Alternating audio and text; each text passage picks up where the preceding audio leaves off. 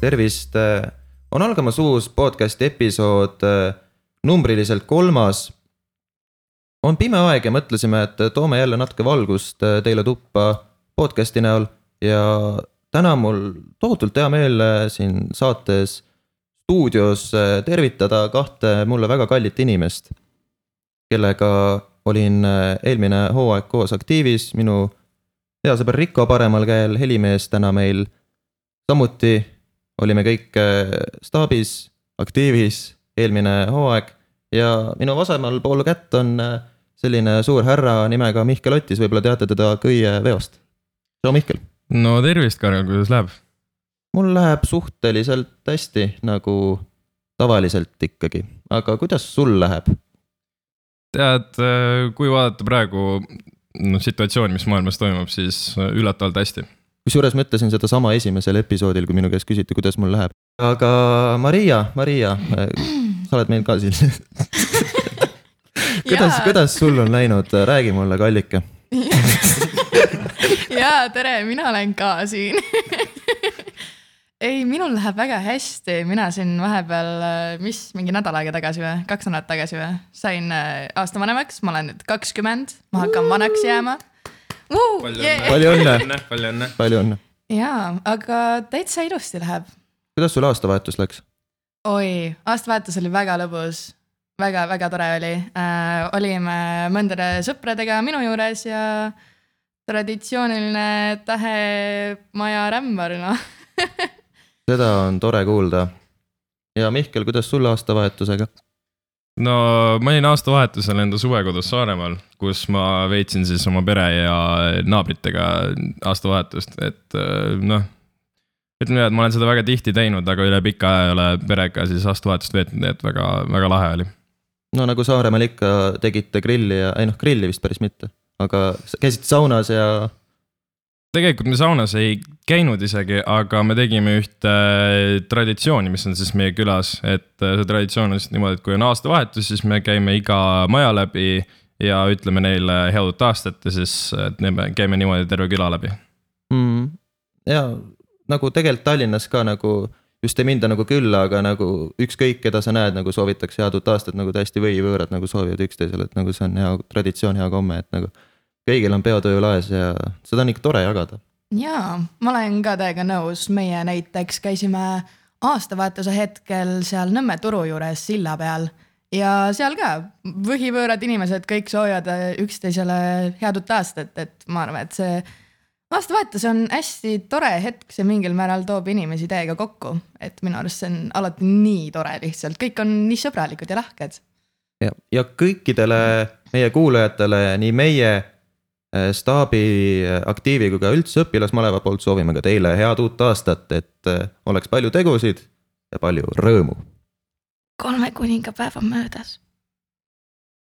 aga head uut võib alati soovida nagu aasta tegelikult veel on noor, ütleme niimoodi, et nagu mul veel yeah. isegi kuusk on veel tegelikult toas pole isegi kuuske veel välja visanud, et.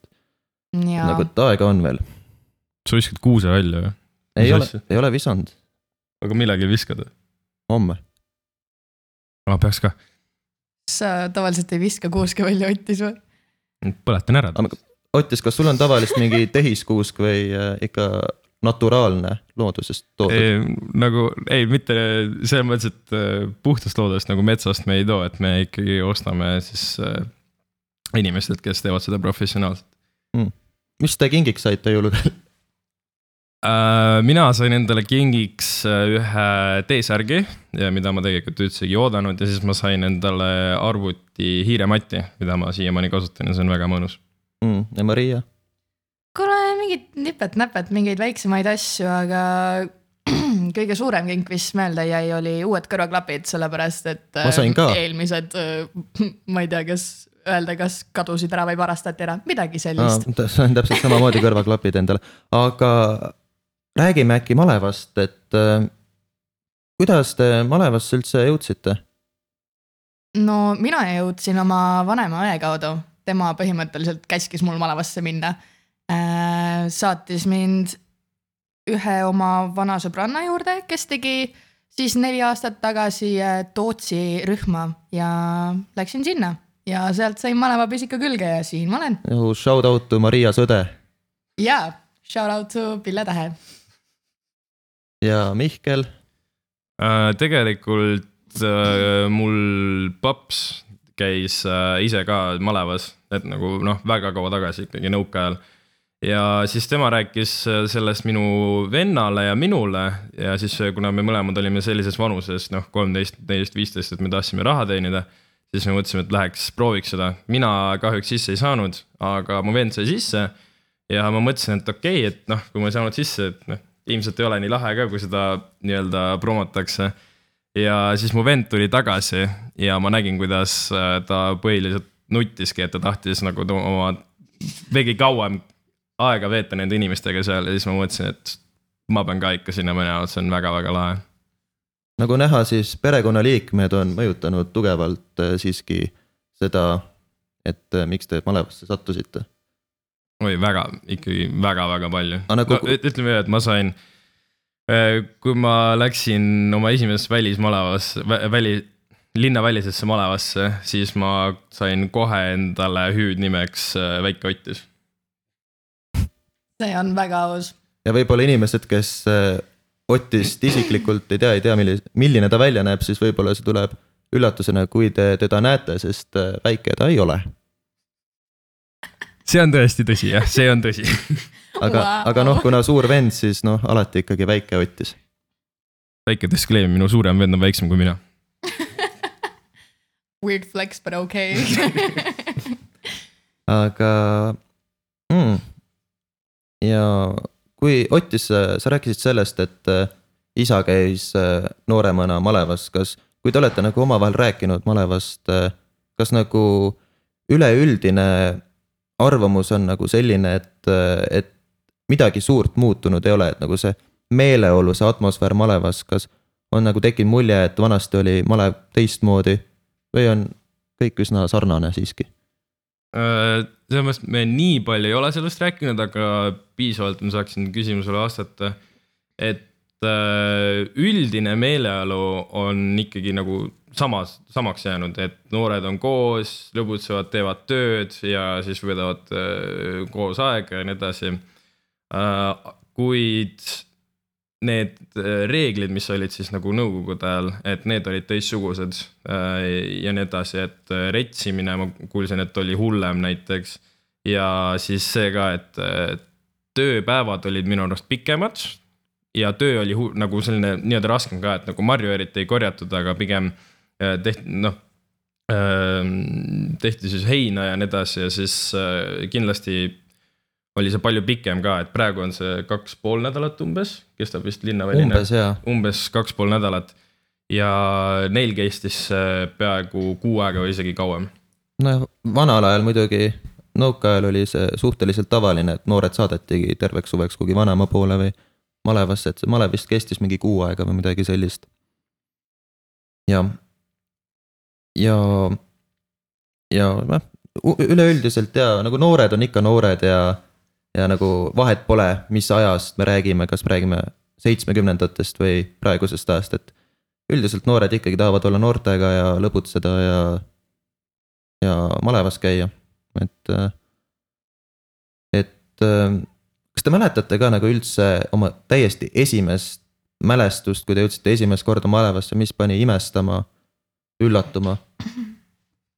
No ma mäletan, minu esimene malev oli Tootsis ja me olime siukses, ehk siis mingis külataolises kohas või midagi sellist aga, aga ma mäletan, et ma algul olin täiega üllatunud, et me ei olnudki tegelikult kuskil täielikus maakohas, et mina nagu mingil määral arvasin, et me lähemegi kuskile mingisse sellisesse külakesse, kus on võib-olla mingi kolm-neli maja ainult ja olemegi suht pärapõrgus. Aga tegelikult me olime siukses imepisikeses linnakeses, et minu jaoks tookord see oli täiega üllatav. Äh, et see ei olnud üldse midagi, mida ma oleks oodanud. aga ma mäletan kohe sai kõikidega ülihästi läbi, et kohe tekkis see tunne, et nagu, et, et hea meelega olen siin kolm nädalat, sellepärast et inimesed olid nii toredad ja lihtsalt malev, noh, malev. aga kas oli üldse nagu midagi võõrastavat ka, et alguses mõtlesid, et nagu, et appi, mis toimub, et kuhu ma sattunud olen, sellist emotsiooni, kas oli üldse? ja siis, kui paar tööpäeva oli läbi, siis mõtlesid küll, et issand jumal, ma pean veel kaks ja pool nädalat mustikaid korjama, are you kidding me? aga, aga ja siis korjasid veel kaks pool nädalat mustikaid ja tegelikult oli lõppkokkuvõttes ikkagi nagu mega lahe. Nagu ma olen ikka.. Mm. mis selle raskeks siis tegi, kas nagu päiksepõletus, päike või siis see ühepoolne töö? no isegi ei tea, ma arvan, et võib-olla lihtsalt see kokku, et esiteks olime kuskil turbapõldudel, on ju, kus oli hirmus palav või siis oli külm ja vihmane, et ilm kogu aeg oli selline, mis äh, ei noh, ei teinud asju kõige meeldivamaks. pluss oli see, et meil oli rattarühm ja me sõitsime kas mingi seitse kilomeetrit mööda kruusateed põhimõtteliselt, mis oli suht tüütu mm. not gonna lie. seega ma arvan, et lihtsalt see kõik kokku tegi selle suht väsitavaks esimene aasta. et ma nagu läksin mingil määral eeldusega, et maleva on lihtsam, aga tegelikult pidi tööd ka tegema. pole kogu aeg fun, et vahepeal äh, töö ajal siiski peab tööd ka tegema. jaa, imagine my surprise, et tööd Jaa, pidi ka jaa, tegema, mis asja? mis asja, tuli malevasse tööd tegema või? mis mõttes? me sellist Eestit tahtsimegi. oleme ikkagi eestlased, me ikkagi teeme tööd, mis mõttes me siin puhkame, tööd peab tegema ikka. ja, ja kes ei tööta, see ei söö, noh. jah, mis ei tapa, teeb tugevamaks. ja karastab ka veel, see on veel eriti hea, et jaa, kas sa praegu nagu läheksid nagu lambist nagu lihtsalt otse nagu kui kutsutaks, kas sa läheksid kohe kuhugi turbapõllule ilma küsimusi esitamata? mitte kunagi. ei, kultuurmustik nagu turbapõllul, ei, ei. mina isiklikult olen õppinud äh, eelistama äh, heakorratöö malevaid. lihtsalt meeldib rohkem see töö no mingi siis rohimine või, või tassimine või mis asi? kõige rohkem äh, meeldis mulle töö poolest just minu teine rühm, RMK Rabivere, mis oli kaks tuhat kaheksateist aasta. me ehitasime laudteed ja see on olnud minu aegade lemmiktöö, see on see, nagu ehitada laudteed, see oli nii tore. Mhm, see oli siis kuskil soisel pinnal ja ei, see oli keset linna. loomulikult see oli, jah, see oli soos ah,. siis olid mingid spetsiaalsed jalanõud, et mitte sisse vajuda, kummikutega, kummikud. sihuke casual. nojah. ja Mihkel, sinu, ütleme niimoodi, kui väike Ottis oli veel väiksem. ja kui äh, suurem vend ütles, et äh, mine, mine minu väike vend. malev ootab sind, tore koht, siis äh, kas sa kohe võtsid nõu kuulda, läksid hea meelega kohe? või sa lasid siiski nagu asjal nii-öelda seedida ja, või oli see nagu silma pealt, et nagu silmapilk? sel-, selles mõttes, et ähm, nagu põhi, põhimõtteliselt läksin ikkagi kohe nagu ma olin na- natukene skeptiline äh,. kuna ma peamiselt läksin ikkagi nagu raha pärast sinna alguses. aga kui ma käisin seal äh, linna, nagu minu esimene malev oli linnasisene malev, kesklinn. ja seal ma kohtusin väga lahedate inimestega äh,. väga lahedad rühmajuhid olid meil või noh, rühmajuht siis, aga me saime teiste rühmadega ka kokku aga noh, ütleme niimoodi, et ma ülehindasin natukene linnasisest, sellepärast et mu vend rääkis nagu linnavälisest väga palju ja siis see tundus nii lahe olevat, siis ma mõtlesin, et linnasisene on ka umbes samasugune, kuid tegelikult ei olnud, siis miks Äh, äh,, miks ei olnud?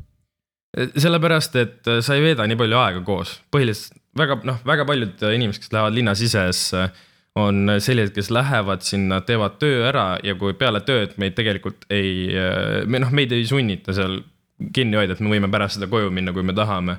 ja ma ütleksin, noh, selline üks kolmandik, üks neljandik inimestest lähebki koju.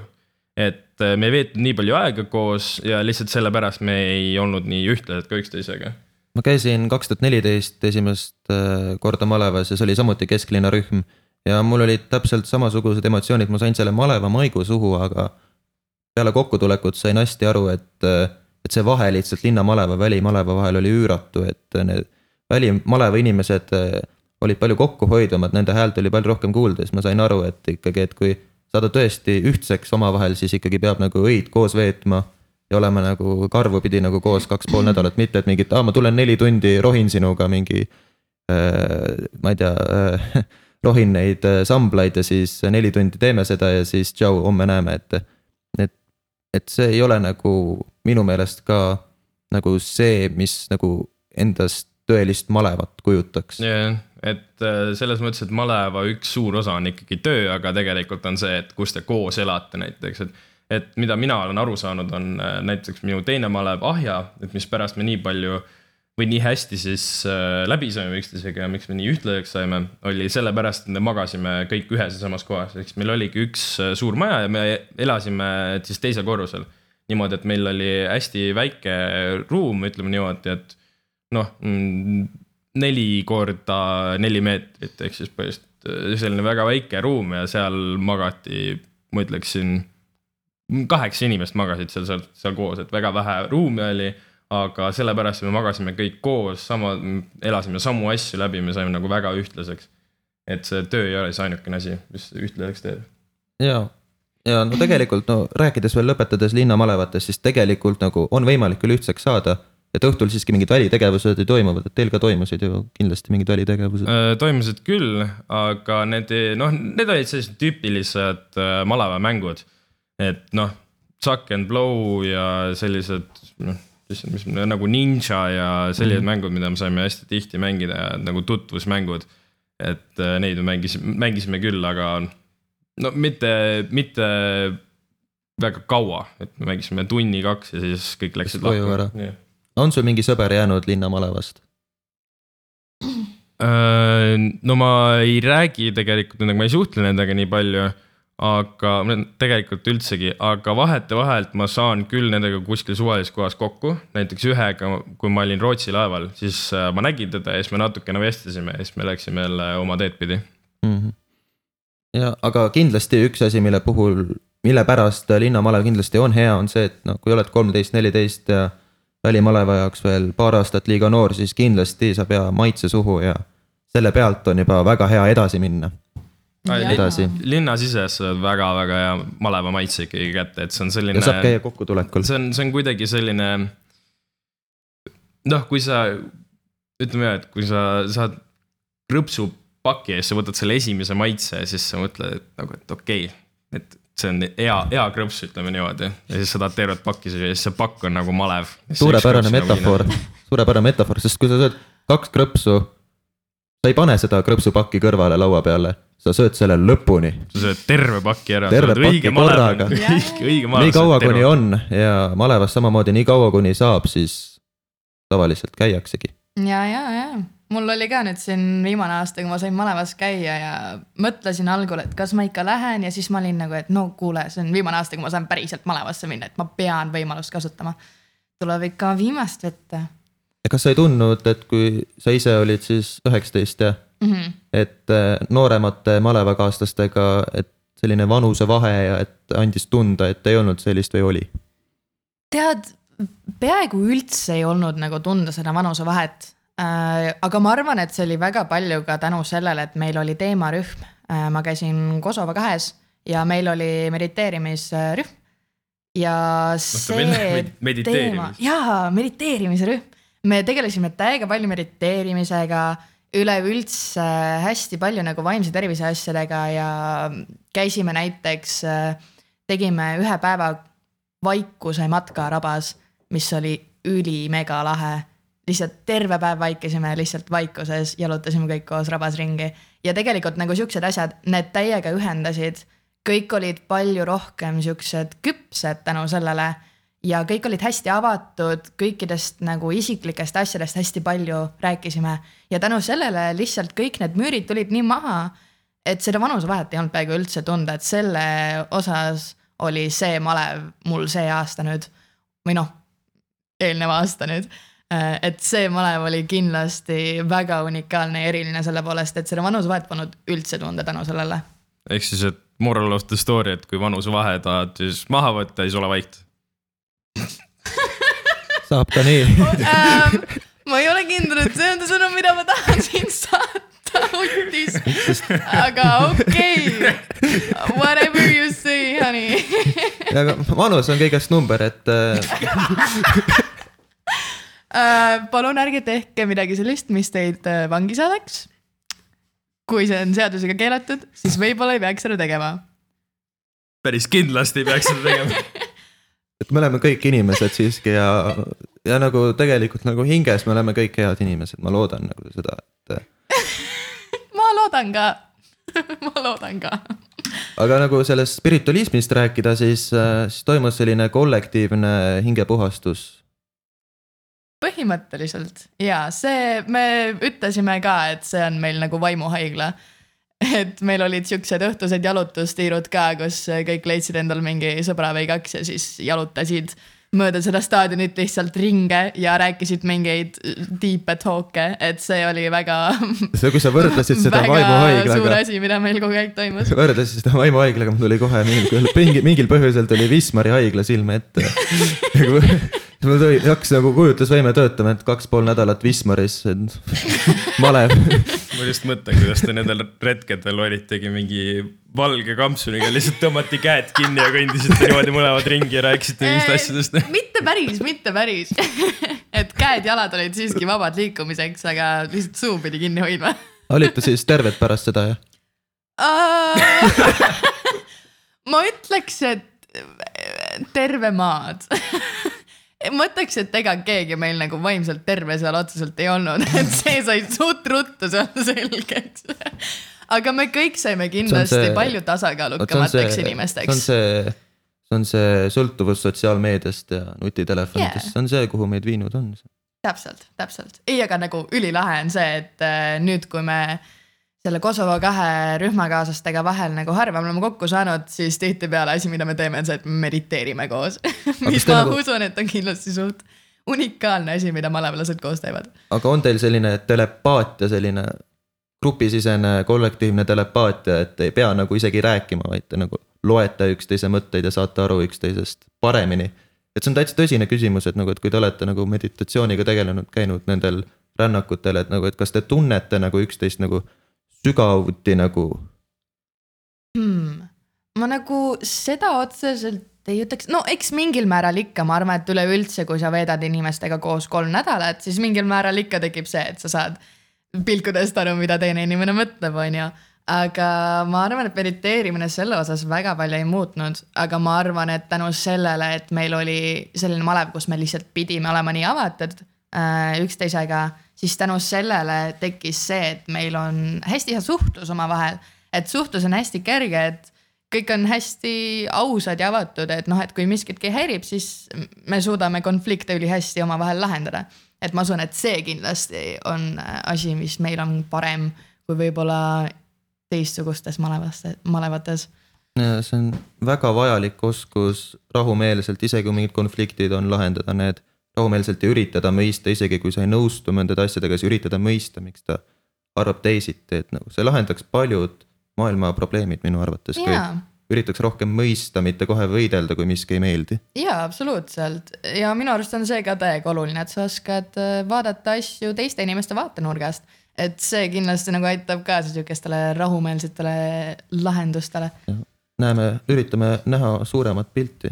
tegelikult ma arvan, et äh, malev on mind väga aidanud sellega, et nagu proovida vaadata teisi siis äh, nende pilgu pealt või nagu, et mitte siis kohe äh, nii-öelda noh, nii-öelda siis vägivaldselt minna, et hakata nagu agressiivselt neid kuidagi veenma, vaid et malev on väga palju aidanud mind siis vaad-, vaadata nende pilgult seda või nagu nende jalasites, et kuidas nemad seda läbi elavad.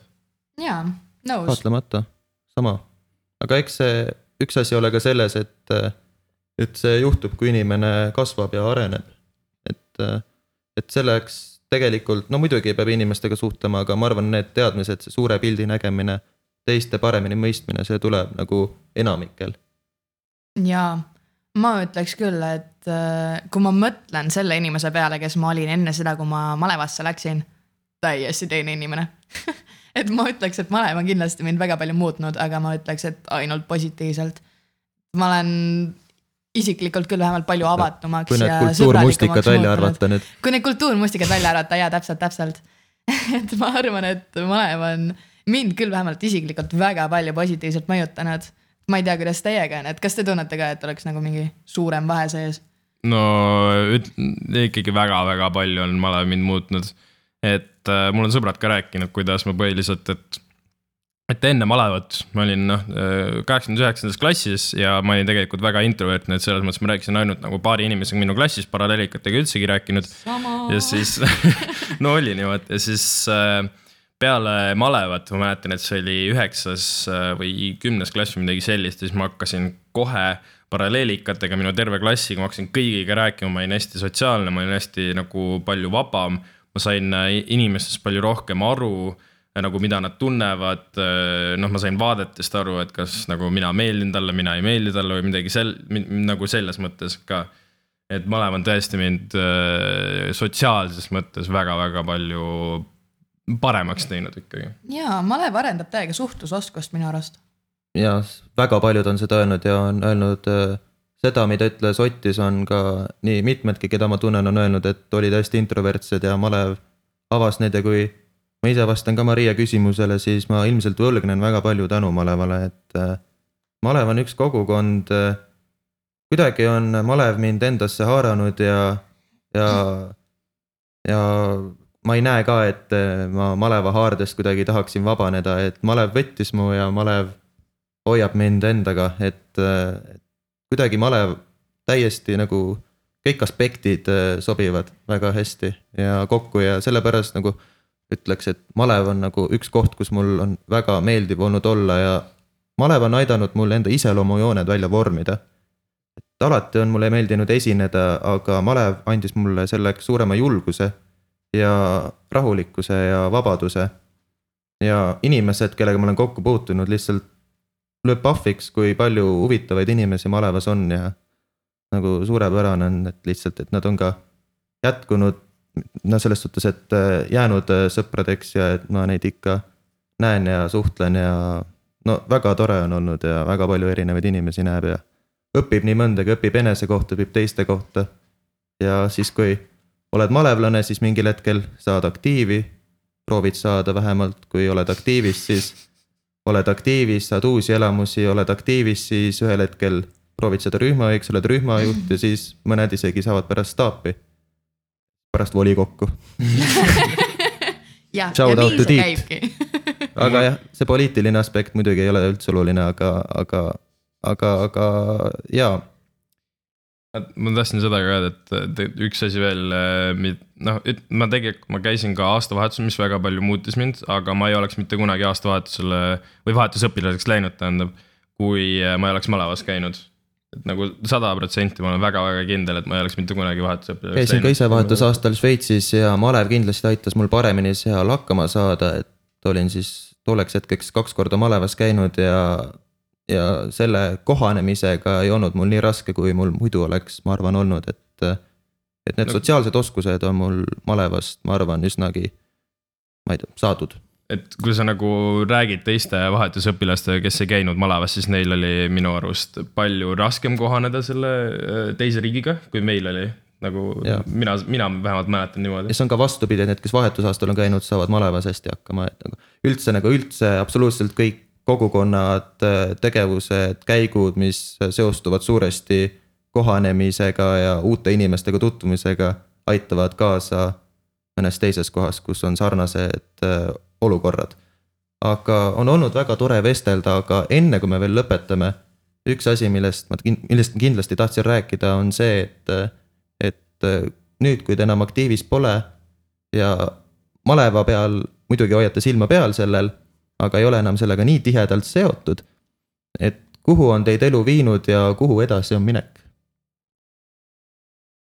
issand jumal, ma ei tea, kust alustada. no praegu elu on mind viinud Tartusse, õpin Tartu Ülikoolis inglise keelt ja kirjandust.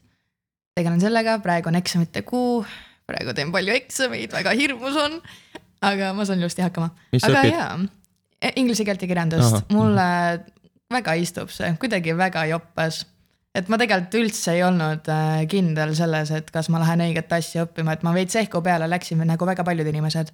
aga kuidagi väga joppas, et läksin kohale ja nüüd on kursakaaslased on mega-mega lahedad ja õppejõud, vau, ma, minu usk õpetajatesse on taastunud, minu äh, üks õppejõud lihtsalt, vau, vau, ma lihtsalt nii imetlen ühte õppejõudu. tal on Mis- imeline süsteem. mis suuna sa siis äh, põhimõtteliselt võtad, et kas hakkad uurima siis inglise kultuuri täpsemalt, hakkad näiteks tõlkijaks, tõlkima ümber inglise keelest eesti keelde või õpetajaks või kelleks? õpetajaks, ei. see töö oleks liiga palju vastutust minu jaoks.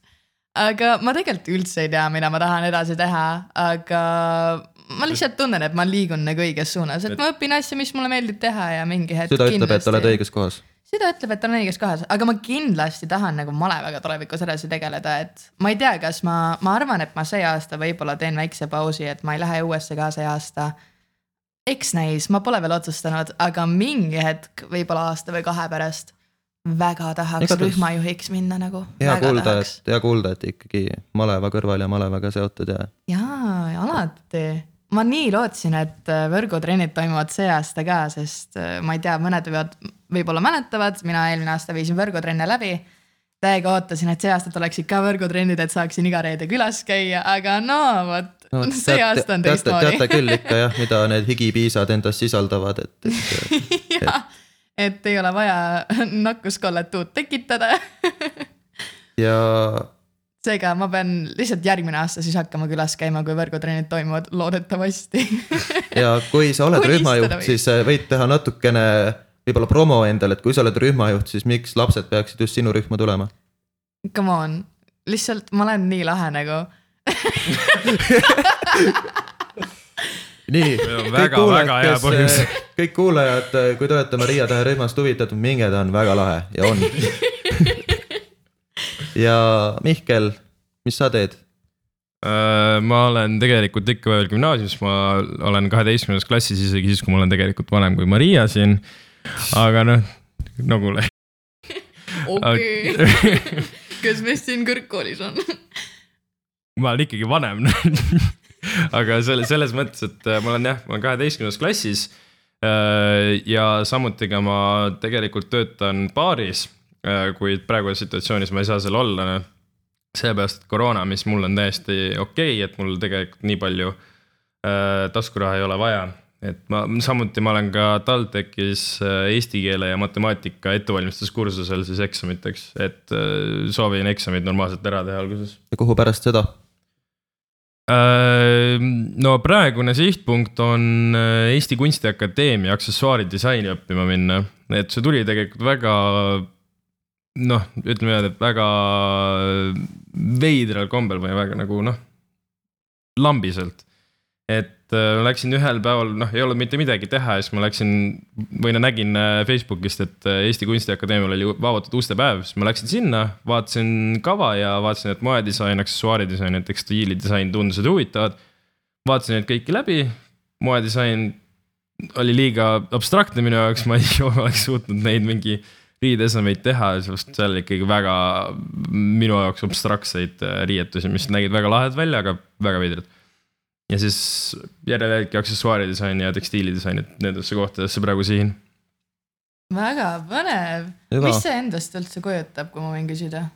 nagu aksessuaaridisain on põhiliselt see, et sa hakkad äh, nagu kõik, mis läheb aksessuaaride alla, ehk siis äh, noh, mingisugused käekellad, jalatsid, kotid käivad tegelikult aksessuaaride alla ja siis Ooh. äh, raamatuköited käivad ka aksessuaaride alla, eks sa hakkadki seal nahaga nagu mängima põhiliselt, et sa hakkad nagu kotte tegema, sa hakkad uh. mingi Ooh. käepaelu või tegema hakkad igasuguseid asju hästi-hästi okei, lahedalt. okei, nii et hakkad ise mingi disainima asju?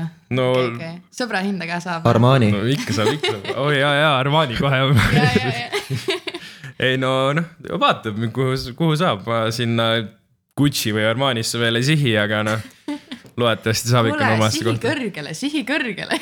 Step by step, step by step. aga step by step äh, üritame ka meie selle podcast'iga jätkata. oli meeldiv, Mihkel, Maria, aitäh, et tulite, aitäh, et olite aitäh, et kutsusid meid. ja jaa. palun ja, ja kõikidele kuulajatele soovin teile jätkuvalt ilusat uut aastat ja kena, no ma ei tea, millal te meid kuulate, võib-olla hommik, võib-olla päev, võib-olla öö. aga igatahes tšau tšau. Bye.